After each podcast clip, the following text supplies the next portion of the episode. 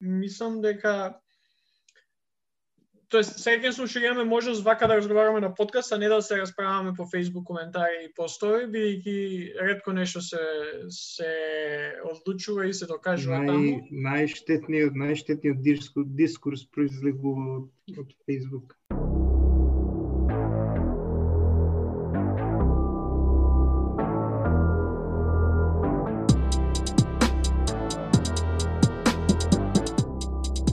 Здраво на сите, добродовте во најновата епизода на подкастот Јустинијан збори.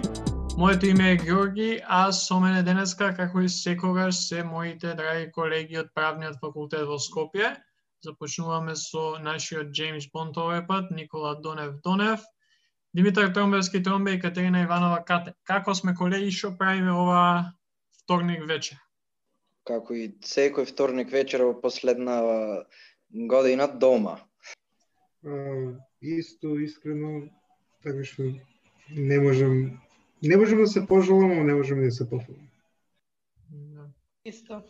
Да, а, супер. Иначе ние да, секој се снимаме епизодите у вторник најчесто или барем интро снимаме кога имаме гости. Денеска имаме малце не по различна епизода, туку ќе бидеме без гости, ќе ќе опатиме неколку различни теми и ќе се обидеме да не идеме преку саат време. Ама сакав прво, Никола, ти спомна минатата епизода, мај се ќе те ставам on the spot, да ни кажеш нешто повеќе за симпозиумот кој што ќе се случува четврток, среда и четврток, така? Среда и четврток, да.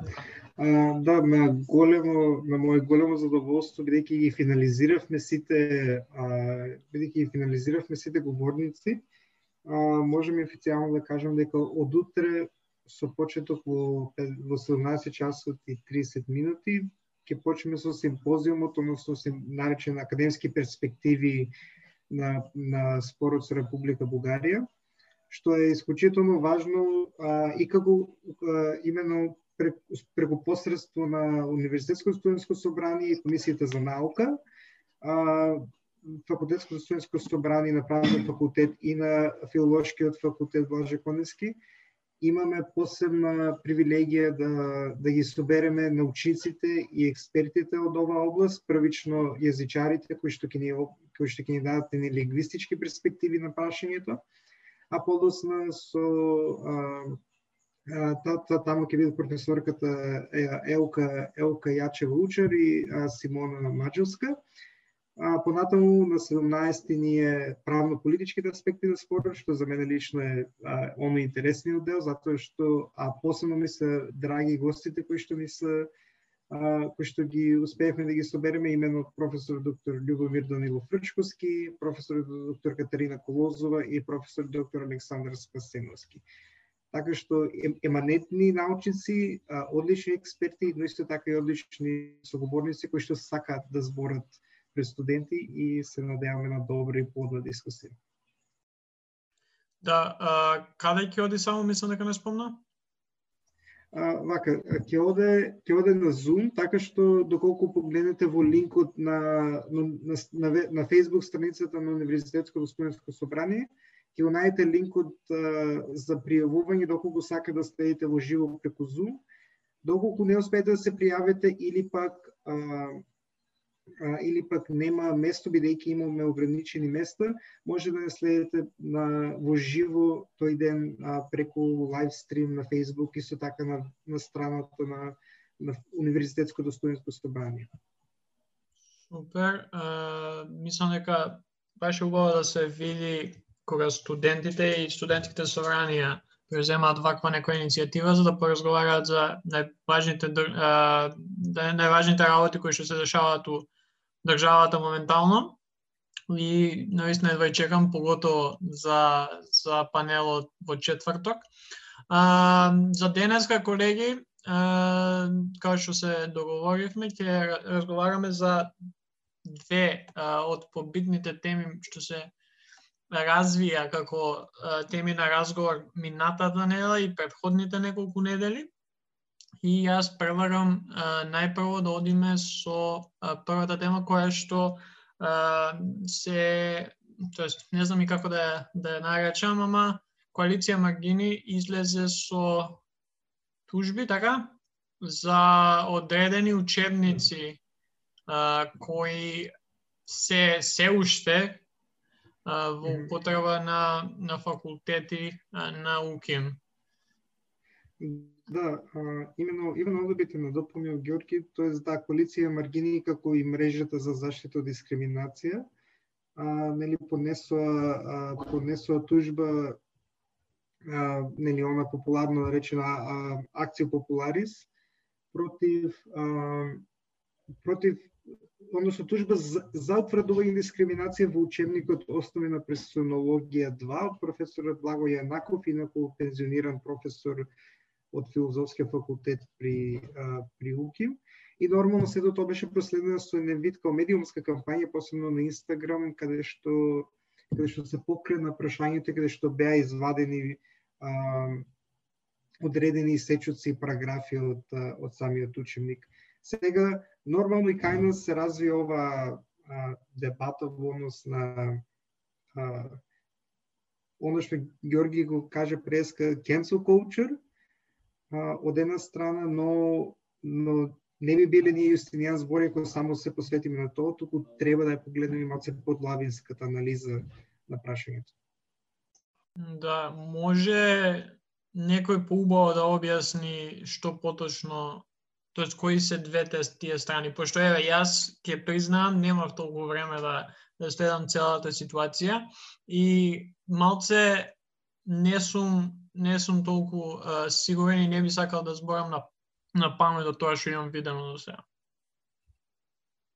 Да, слушам се, јас немам видено премногу, односно, као седи ги имаме видено оние постовите што се направени а, со цитатите од учебникот, но, но мислам дека овде као треба да збореме повеќе дека односно официјално мислам мислам дека официјално од од мрежата која што ја поднесува оваа тужба дека дека сушност не е не е идејата хајка против тој специфичен професор, против нели неговиот специфичен учебник и предмет, туку дека е еден вид малце критичка анализа од надвор во однос на тоа како какви учебници се има на науки и нели каков е нивниот квалитет, односно што се содржат. Нешто што мораме исто да го знаеме за оваа ситуација дека ова не е нов процес воопшто, туку овие учебници се под ревизија на граѓанскиот сектор одамна и ова беше само првата битка. Значи секоја војна има своја прва битка, ова беше првата у сферата на високо образование, односно учебниците че ова дефинитивно не е хајка против тој професор, туку е хајка против целата академска заедница што се понаша како него. Што се дозволува да се понаша како него.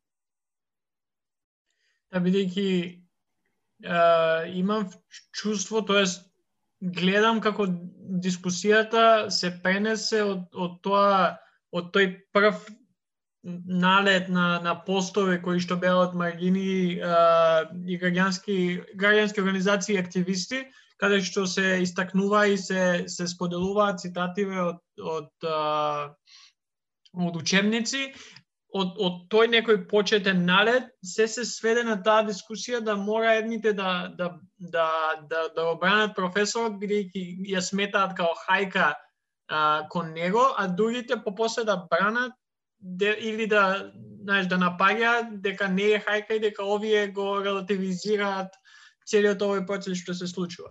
Мислам дека тука мене ми е малце и разочарувачки, ама и, и чудно до, кај се сведе дискусија.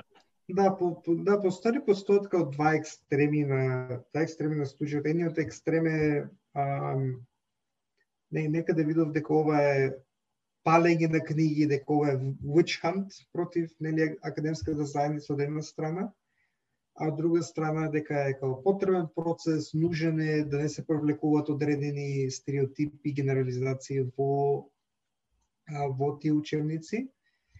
Но мислам, но мислам дека поентата која што ја која што недостасува овде, а, а лично јас го држам тој став, иако, мал, иако содржи малку непопуларни елементи, а тоа е повеќе во во тоа како како ние ја а, како ние гледаме науката и кој е местото на науката и, и научната работа во целост. А, не кој што опфаќа и пишување учебници затоа што и самите по себе и представуваат научен труд. Па да, ема еве кога веќе се факаш за науката, мораме да се фатиме и за научната вистина што професорот ни дека не, не само што не ја представува и покажува. Значи, професорот прави се освен наука во своите учебници, тоа мораме да го гледаме рационално малку колку или да не ни одговара или не, не, не тангира лично нас. Мораме да сватиме дека тие работи што се напишани во учебниците на професорот не само што не се научна вистина, туку и директно дискриминираат и предо- предонесуваат кон маргин... дополнително маргинализирање на маргинализирани групи.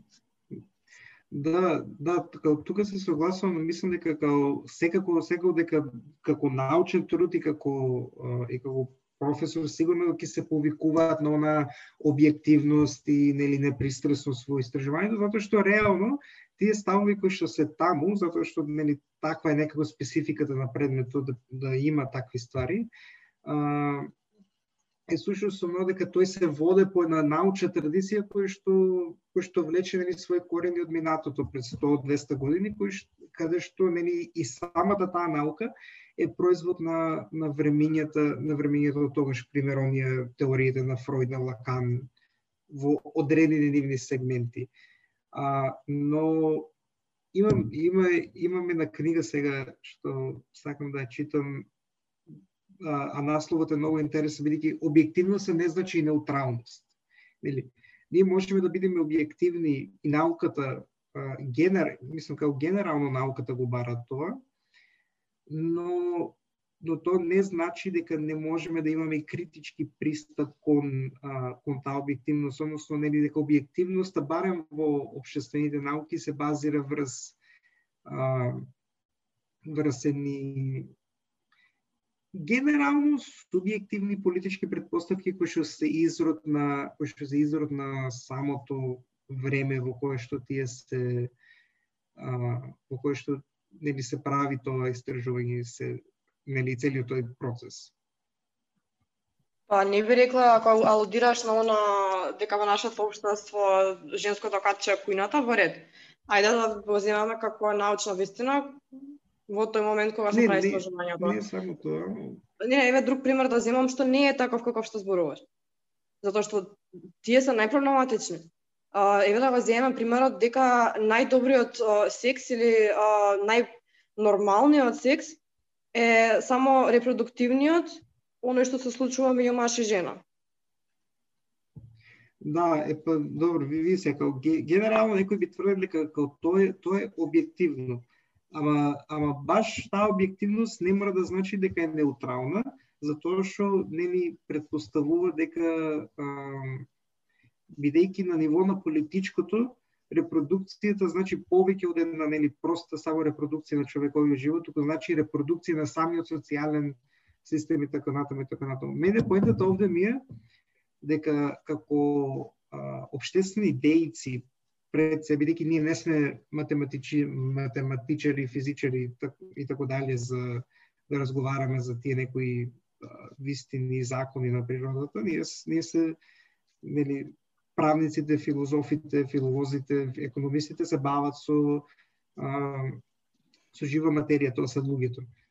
А, така што овде овде поправо би кажа би кажал дека а, дека самиот професор, како вистински професор, како вистински научник, треба да биде свесен за а, дека треба да биде свесен за нели неговата работа, што тој пишува и затоа е потребно на нели она критичко размислување, па дури во некои случаи они критички теории кои што се повеќе се појавуваат во различни обществени а, обществени науки. Но но секако овде овде е и моментот на нели а, каде што каде што тие учебници може да се стават под а, под ревизија, на тоа мислам ќе се надополнам после со а, со, мали, со малата дебата помеѓу професорката Ванковска и Славчо Димитров.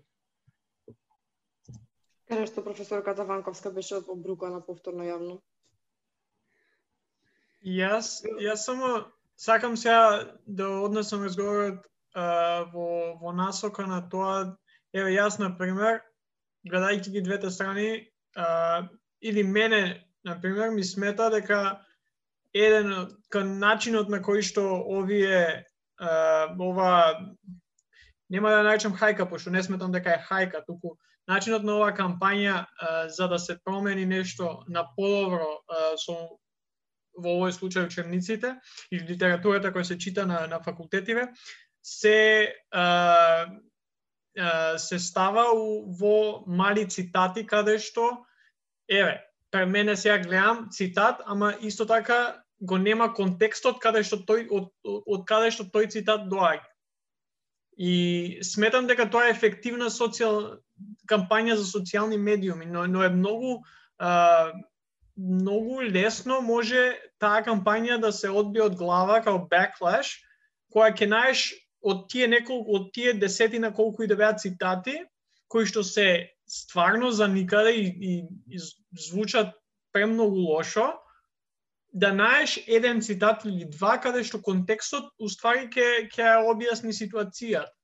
И со тоа мислам дека проблемот настанува таму каде што другата страна многу лесно тоа може да го искористи како а, причина и, и, и како а, одговор е овие witch hunt, cancel culture, не знам што. Mm. Тоа мене малце ми смета у целава ситуација. Точно би се согласил со Джоле тука и би рекол дека Во случајот на невладините организации кои се стремат нели за поправични учебници, мислам дека има малце комуникацијски проблеми, иако суштински се согласувам со нив дека има сериозни проблеми, не само со овие учебници, со многу други. Ама мислам дека тој комуникацијски проблем може, како што рече Џоле да му се одбие од глава и му се случи тоа иако може да доколку и да се даеше контекстот, сепак значењето на тие збори не би бил значително променен, но самиот чин што би го имал контекстот за да нема никакви недоразбирања по однос на што е намерата да се кажи исто на, напишано, би било многу по ефективно во однос да се постигне целта, нели да има по-добри учебници. Во однос на учебниците, мислам ова кампања не е само за високото образование. Ако се сеќавам, имаше пред скоро време и за основно и средно а, учебници. Мислам нека по природа, по природа и општество дали беше учебник, не се сеќавам. Кој имаше стварно дерогативни работи по однос на пол и род, така да учеб дебатата за реформирање на учебниците е сериозна и добро што поскоро да се што поскоро да се делува на тоа, зашто стварно се многу битни учебниците и не треба вакви работи да има.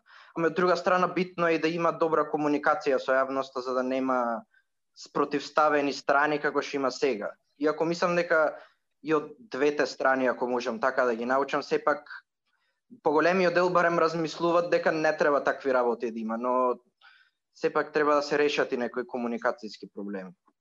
Не, тука морам исто да се осврнеме на фактот дека народ не чита поише од две реченици. И дека многу рано во дискусијата беше даран контекстот на овие учебници. Многу рано во дискусијата, што во првите два-три дена, каде што со ова аргумент се влеза, од многу страни искочија, значи, цитирани нели, во поголем контекст, како што виката, а, самите тие изјави, самите тие фрази од учебницата, Само што дали некој од нас се спозамара да прочита поише од 10 реченици? Не. Да, да, се согласувам со тоа со тебе и затоа кажав ова е ова се ефективни начини како а, се привлекува внимание. Ама со само тоа што им требаше тоа на дополнување контекст после 2-3 дена, без разлика ти веќе дали си управо или не, ја, ја, ја губиш таа та некоја предност која што си ја имал пред два дена. Ако еве на пример коалиција Маргини или било која граѓанска организација излезеше со цитатот и контекстот заедно, мислам дека може би ќе бил помал а, помал тој ударен као почетен беше брана. Не, не постоечка. Ке ке да, знаевме тројка, кој да, не интересира тоа, тоа не е поентата.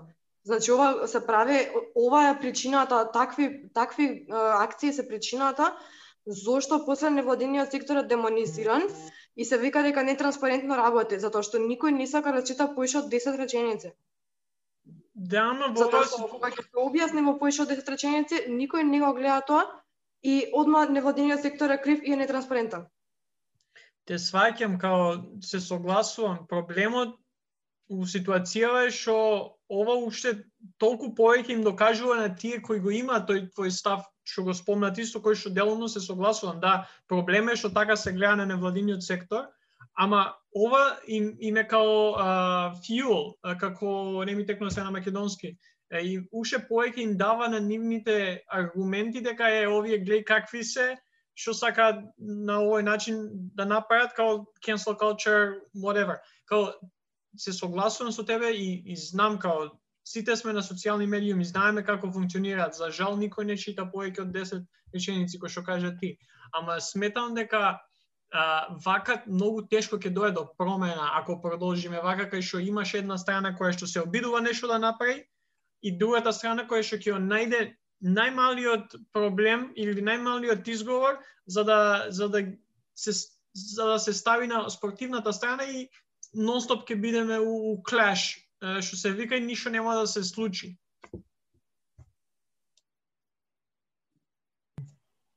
Да, овде нека про, проблемот е мислам многу под подлабок од нели зошто ние не сакаме да читаме повеќе од 10 реченици. А, мене ми е мене ми е доста интересно реакцијата на професорката Ванковска затоа што нели се става во заштита во а, не во не во содржинска смисла, туку во формална смисла во одбрана на во одбрана на нели на низиниот колега, иако таа нели кажа самата дека не ги дели неговите ставови. А, но мислам дека дека и а, дека одговорот на Славчо во однос на тоа е а, е доста интересен, ако може само да го цитирам а, во однос на на овој параграф. Или пак има нешто точно доколку ја погледнеме културолошката, антрополошката, епистемиолошката и социјалната историја на спермата и незиниот, и незиниот маскулинистички семантички регистар и во зборовите на Ванковски ги слушнеме криците на послушната керка, почизмата на своето историско татенце, чие, што, чие што позиција на моќ е доведена по знак прашање, одбивајќи го, одбивајќи во тој крик да го спречи подомошното пролевање на крв, реално и символичко на сметка на историските најранливи. А, И со секој драма. Нека, нека овде, овде да мислам, овде интересно бидејќи од една страна Ванковска кажува дека универзитетот треба да биде простор на а, простор на критичко размислување или она слобода да, да размислуваш различно. Да, тоа е точно, јас се согласувам то, во тоа е суштината и на автономијата на универзитетот. Но, но од друга страна, универзитетот изолиран од општеството или од, од тој дискурс од надвор не е е осуден да, да пропане, како што и Пате Муким е, е вид таков универзитет, затоа што се изолира во главно, барем последните 30 години, се изолира од националниот дискурс, освен сега нешто што видовме со македонски манифест, но дури и тоа не беше од официјалната институ... од официјалната институција, туку од поедини личности кои што стојат на чело на институцијата. Да, но мораме да сватиме дека мора да уким да добива такви критики од надвор затоа што уким од внатра. Сите знаеме каква е ситуацијата и колку се поврзани едни со други и се штитат. Затоа што колега нема да нападне колега и го гледаме тоа Да. историјата е голем дел причината за корупцијата на уким. Да, тоа да, тоа е веќе внатрешна а, тоа тоа е таа внатрешна а, внатрешно автохтоно гнило на уким во кој што нели се даве буквално и нели останува да се виде. Јас верувам дека има потенцијал за промена, но останува волјата а, волјата внатре да се да се сменат одредени работи. Е сега единствено мене што ме загрижува и мислам дека е поента на на страната која што кој што кој што вика witch hunt на целата работа, а тоа е дека вакви акции, нели проследени со као јавно касапење, е едноставно ги плаше научниците дејци да создава, не во, не во, но не ги плаше во смисла на не да се осврне на своите дела и критички да погледнат кон нив што може да се деси, да се сензитивизираат на некои работи, туку едноставно се откажат а, од, од наука, нели од тој страв, бидејќи стравот може да биде различен. А како е тоа различно од сега што со тепа пишување и правење научни трудови, освен да ми извинат со Google Translate? Добро, као зборам генерално, специфичната ситуација на УКИМ е тажна, е тажна и е за не е за пофоба, но е нешто на кое што треба да се работи. А, а мислам дека пред се треба и на студентите да произлезе тоа. Наше барање за оригинална академска работа, наше барање за оригинална научна работа, мислам оригинална. Едноставно научна работа која што ќе биде квалитетна и вредна, а не да а не да се наваѓаме на, на ното од листите по а, по наука, нели освен сега нешто што излезе дека а, од Македонија од ПМФ што се најцитирани најцитирани научници во светот во таа некоја област нивна, Но сепак и тоа не, не е доволно само тоа, не се до факултет со над 1000 професори не може да се базира само на два тројца. Додуше мислам дека не ни беа од Уким, толку дуга да беше некој од тие. Да, и мислам дека клучно со ова, мислам сите се согласуваме дека дека промена е преку потребна и на УКИМ и на целото на целиот образовен систем кај нас. А, и доколку Димитар, кате донек немате вие што да додаете повеќе на оваа тема, а, ја би го искористил ова да направам некоја споредба и со а, оно што е најновото или најновата да, најновиот додаток на еден дел од образованието кај нас, а тоа е сеопфатно сексуално образование. Мислам дека во претходните неколку недели сведоци сме на доста коментари, на доста шпекулации, гласини, на доста мислења и, и различни а, подсмевања, различни глупости кои ги читаме да деновиве. А, па сакав на кате сега да ја дадам простор а, да ни објасни поубаво што сеопфатно сексуално образование би значило и значи моментално кај нас, бидејќи самата е вклучена директно во целиот овој процес, па потоа да развиеме некоја онака едукацијска дискусија кај што убаво би објасниле или кате би ни објаснила нама и на тие што не слушаат, што, како и, и, и кога и, и сите оние работи што треба да ги знаеме за, за оваа тема. Така, на па така, процесот а, со пилотирањето на сеопатното сексуално образование, СС, во школата полека отпочнува. А, така што очекуваме септември 2021 веќе да го има како изборен предмет во четири училишта основни. А, со тоа што а, овој предмет спротивно на популарното мислење не ги учи децата како да имаат секс, а, не е ништо секси околу предметот. Овој предмет е едноставно една огромна животна вештина, која и како ни е потребна на секој од нас. А, ова е образование пред се за самите себе, за нашето здравје, за нашата благосостојба, за нашите права у многу голема мера. Ние како правници би имале многу помоцна работа во животот ако има СС, а и докторите ми. А, така што се со за ова барем можам да кажам е изложено на на вистина една непотребна хајка за разлика од Јанаков. а, така што не знам што што би сакала поточно да ве кажам околу самиот процес. Па ја би те прашал бидејќи се шпекулира као курикулум и што ќе содржи се тоа, mm -hmm. дали можеш да ни кажеш некој потоци некои теми поточно што би се како би се одвивало и што би се зборувало. Еве на пример изборен предмет сеопфатно сексуално образование. Што тоа би содржал А, па, сеопфатно сексуално образование би зборувало највеќе на темите како пубертет, значи развојот на самите деца, околу сексуалното насилство и сајбер насилството, како да се заштитиме од него, како да го препознаеме, каде да се обратиме ако не се случува. А, потоа би се зборувале разликите меѓу самите полови, а, родовата рамноправност, а, сексуално и репродуктивно здравје и правата. А, понатаму би се зборувало исто така во дел и за, за различните сексуални ориентации и родови определби.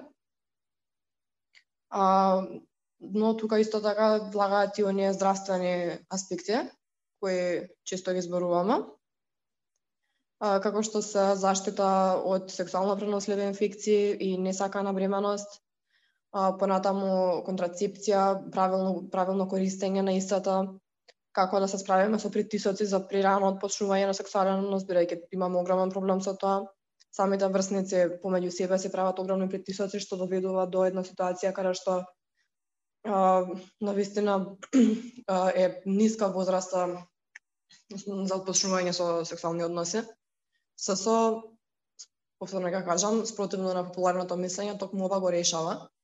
Земјите каде што има квалитетно сексуално образование, со оние земји кои всушност имаат а, најниски стапки на сексуално насилство помеѓу младите, а, се, ниски, се земји кои што имаат многу а, позрела возраст на прво, прво, прво почнување со сексуални односи, а се земји кои а, имаат наставно многу поздрава и посреќна младина за разлика од кај нас.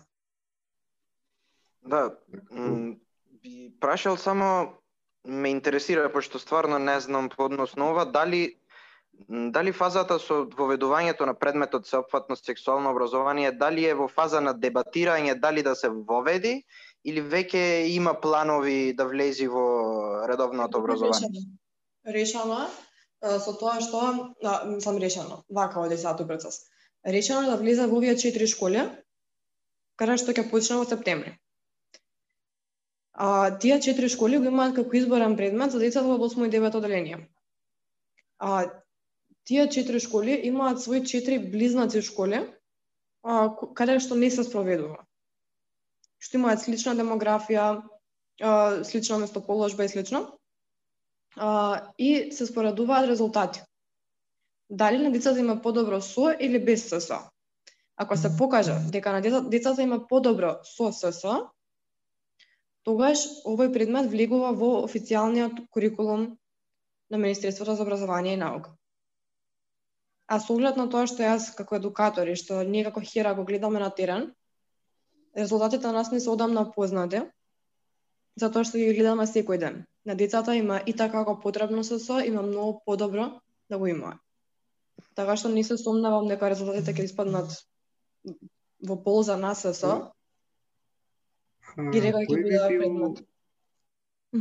А кој бил кој бил критериумот за мерење на резултати и времето нели кој што ќе се гледа? А, една година ќе се ќе се одвива тој процес. А, и сега да ви ги кажам точните инструменти за истражување, наистина не можам затоа што не сум јас лично таа која го прави, јас излегувам на терен и го предавам, но не се бавам со тие по, како да ја кажам, по научно истражувачки работи, бидејќи тоа го прават многу по високо образовани луѓе од нас, како факултетски професори а, и слични стручњаци. А, така што стварно не сум доволно стручна да ви го кажам точниот инструмент. Да, битно е ова што кажа каде, битно е поголем дел од луѓе го знаат, пошто па како што прочитав, јас по коментари, луѓе што коментираат по социјалните медиуми дека многу мислат дека предметот туку така ќе му биде наметнат без никакви тестирања и така натаму. Значи сепак има некој процес кој што се утврдува дали mm -hmm. дали предметот ќе биде соодветен и дали ќе има резултати со што би имал бенефит народот, тоа е учениците. Многу е битно и ова да се знае кон јавноста, што се однесува до предметот самиот по себе, мислам дека е битно да се учи ваков предмет, пошто како што каже и ти Ката, настрана од социолошките елементи што ги има во предметот што се учат, има и биолошки елементи.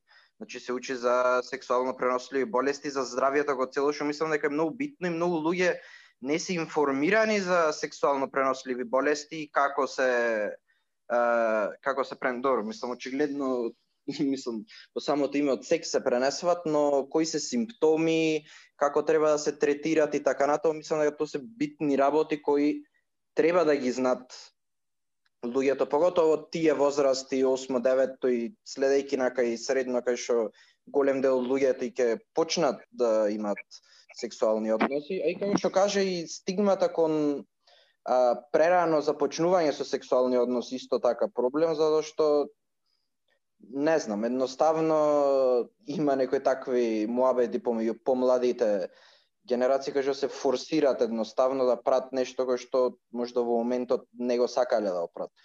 Така да јас лично освен позитивности не гледам друг исход од сеопфатно за сексуално образование и се надевам, тој сигурен сум дека тестирањата од тие четири училишта ќе спаднат позитивни, се надевам дека ќе почне да биде предмет во редовното образование. И јас исто и тука се согласувам со тебе потполно дека здравјето е апсолутно на прво место и наистина важно. Но едно што имам согледано на терена дека а, може би еднакво може би и уште поважни а, се едукациите околу насилството, дискриминацијата, врсничкото насилство особено, а, па и насилството што доаѓа од авторитети разноразни, бидејќи тоа што го гледаме дека младите не само што не знаат да го избегнат или не знаат да се заштитат, туку не знаат да го препознаат на прво место. А, најчесто тоа е најголемиот проблем што воопшто не препознаваат кога ќе им се случи особено сексуално насилство, што има страшни психолошки последици. Значи тоа ако некој не знае дека бил жртва, не значи дека помалку го повредило. Баша многу по пострашна ситуацијата бидејќи ги нема вистинските канали за психолошки да разреши таа травма што води кон стварно големи последици а е на вистина често, многу почесто што можеме да замислиме. И сметам дека се дека јас да сум родител не можам да, да се ставам во кожа на тие родители кои не би сакале нивното дете да биде заштитено од тие работи. Навистина не можам. Ми е страшно несватливо. Затоа што да се работи за моје дете, јас би молела да има нешто вакво. Да, и тука мислам дека како се согласувам со и со тоа Димаци што каже сега и Кате ти последно што кажа, а, мислам дека најголемиот проблем а, е целиот дискурс кој што се одвива и кој што кој што гледаме луѓе со со различни намери од различни од различни позадини, а, мислам дека зборот кој што би употребил, а тоа е и плюс тоа дека не се знае убаво што тоа ССО значи, као секој си прави некоја своја дефиниција, уствари никој не сака да и тоа што зборавме преска, како никој не сака да прочита повеќе од 10 реченици за да види убаво што uh, се тоа опфаја бидејќи не сме прва држава со вакво нешто, не сме прва држава што пробува вакво нешто и каде ти спомна има позитивни примери од повеќе држави и uh, на вистина као тоа дали како би имал секс или било што тоа е најмал, мислам, не е толку битен дел у стилот на дискурсот целиот е врз тоа, као и, и сите оние шали, коментари, глупости, се несуваат на тоа. Никој не збори за, за насилството, никој не збори за, за тоа различните начини на заштита, па, па на, на таа едукација која што би се довела со овој предмет и као, ја би, ја сум за и чекам секако. Не можеме да кажеме ништо како би се одвивал додека не се видат резултатите и убаво каже Кати има луѓе кои што се надевам се многу поискусни, многу со многу поголемо знаење од нас четворица и од верувам поголем дел луѓето што коментираат на оваа тема за како, што и, и кога би се одвивало целиот овој процес. Така е. Тука е исто многу важно да знаеме дека овие коментари што ја гледаме се многу во голема мера резултат на немање ССО. Затоа што овие голем дел од тие коментари што ја гледаме колку да се смееме, онака окей, дневен хумор и така натаму. Тие коментари зад себе имаат на вистина изопачена позадина. Значи, возрастни луѓе да коментираат ствари во стилот на практична настава за деца од 8 и 9 оделенија, според мене треба да биде теретано како кривично дело.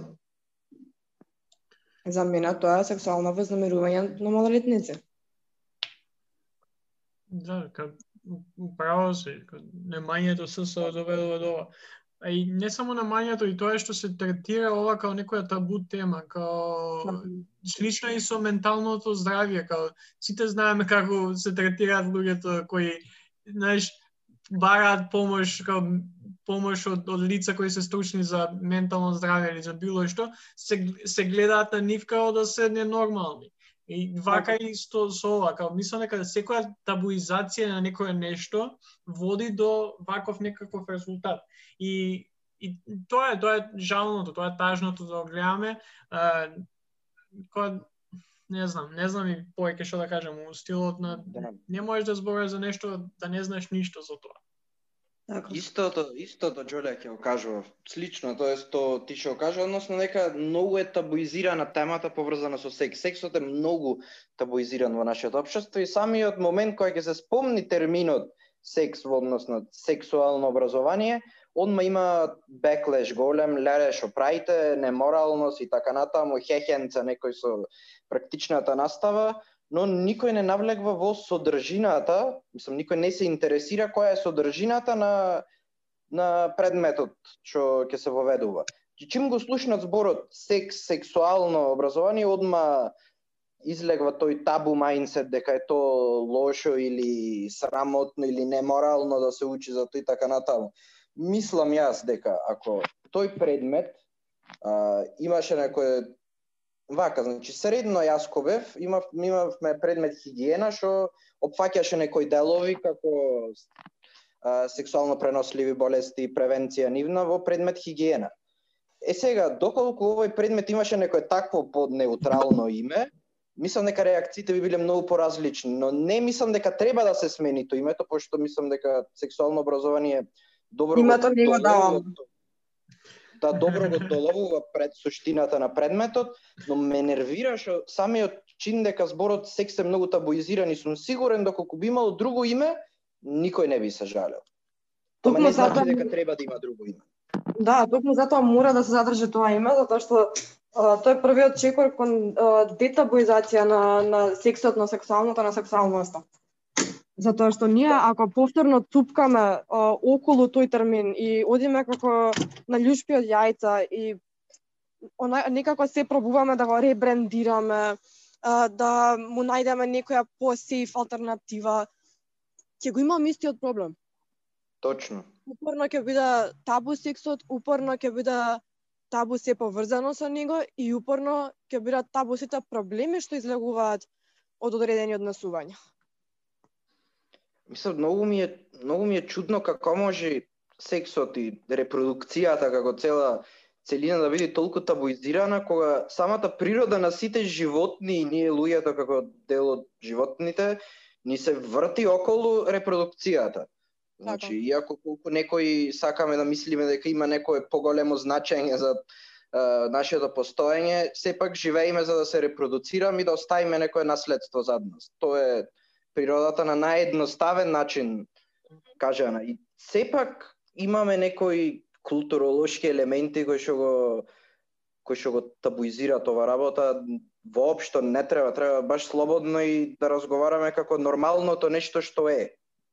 Кога би навлегла во историјата на сексуалноста, би ги нашла корените на овие проблеми токму тоа што го зборуваш дека а, поради самото тоа што е една од најго, најголемите цели на човекот е суштината на постоењето е многу важно за а, одредени групи низ историјата, доминантни групи, да го стават во кутија и да го контролираат. Бидејќи ако се контролира толку голем дел од човековото постоење, многу лесно се контролира човекот. Мгм.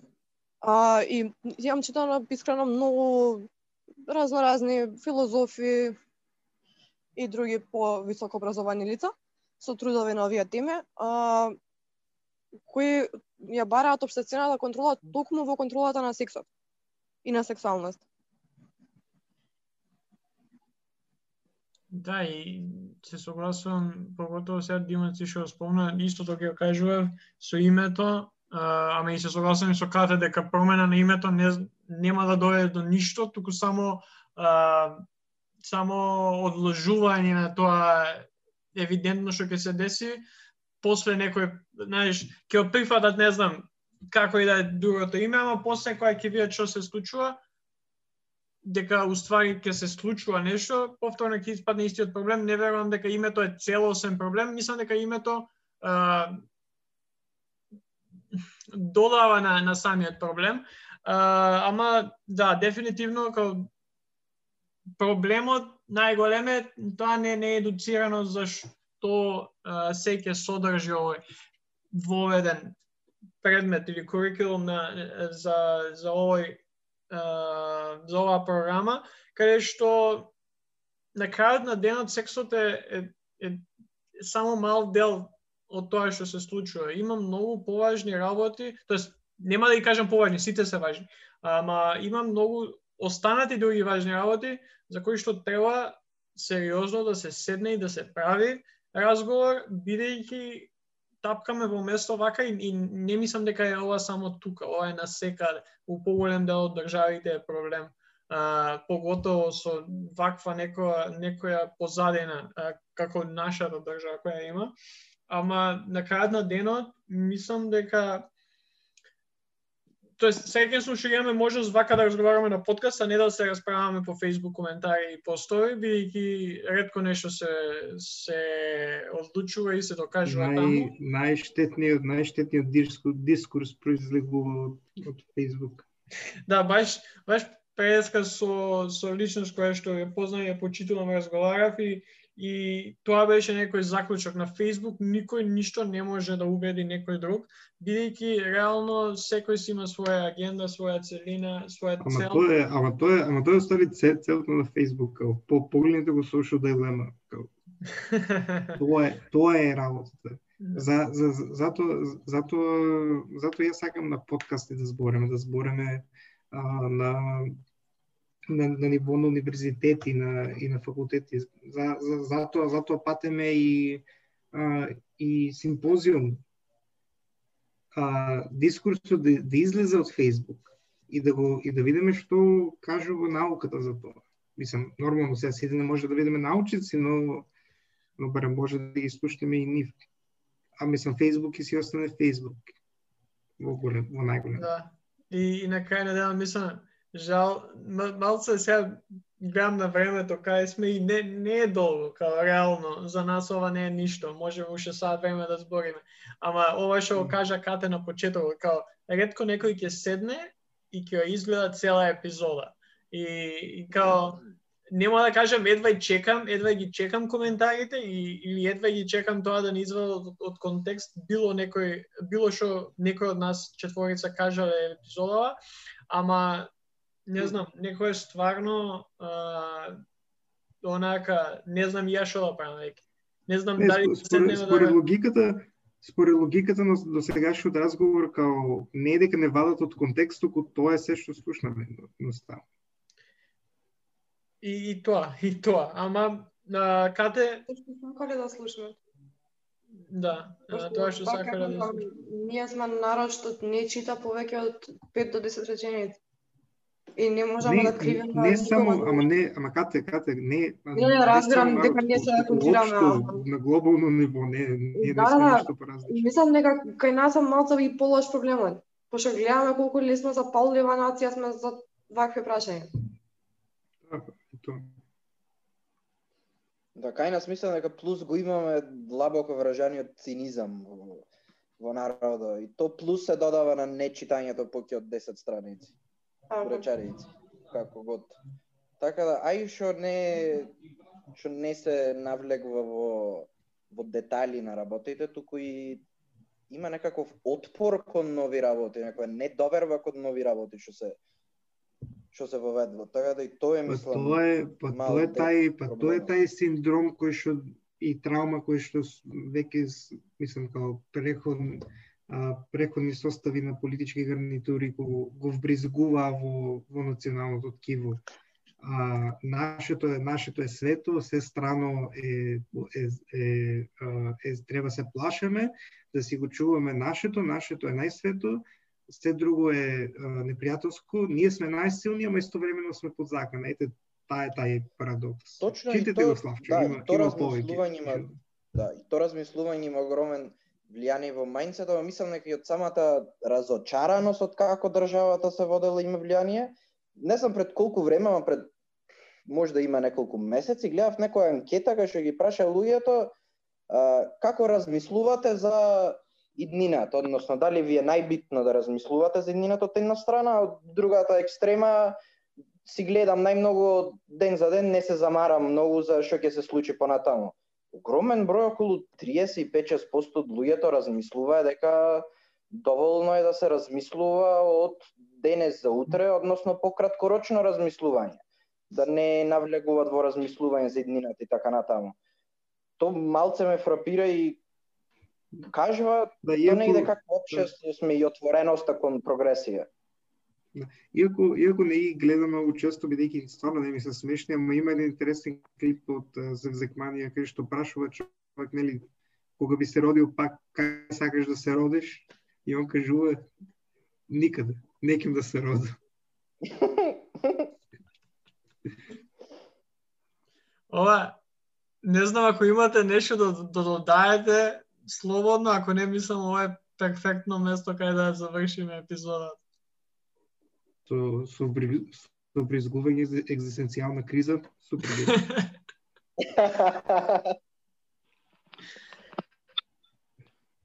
Добро, ако ако тоа е се, мислам дека а, мислам дека може да завршиме. А, реално за и за двете теми кои ги начнавме и ова трета последна која што ја почнавме, ова мини тема, а, може уште доста да разговараме и навистина би сакал да посветиме и други епизоди на нив со гости од, од овие области.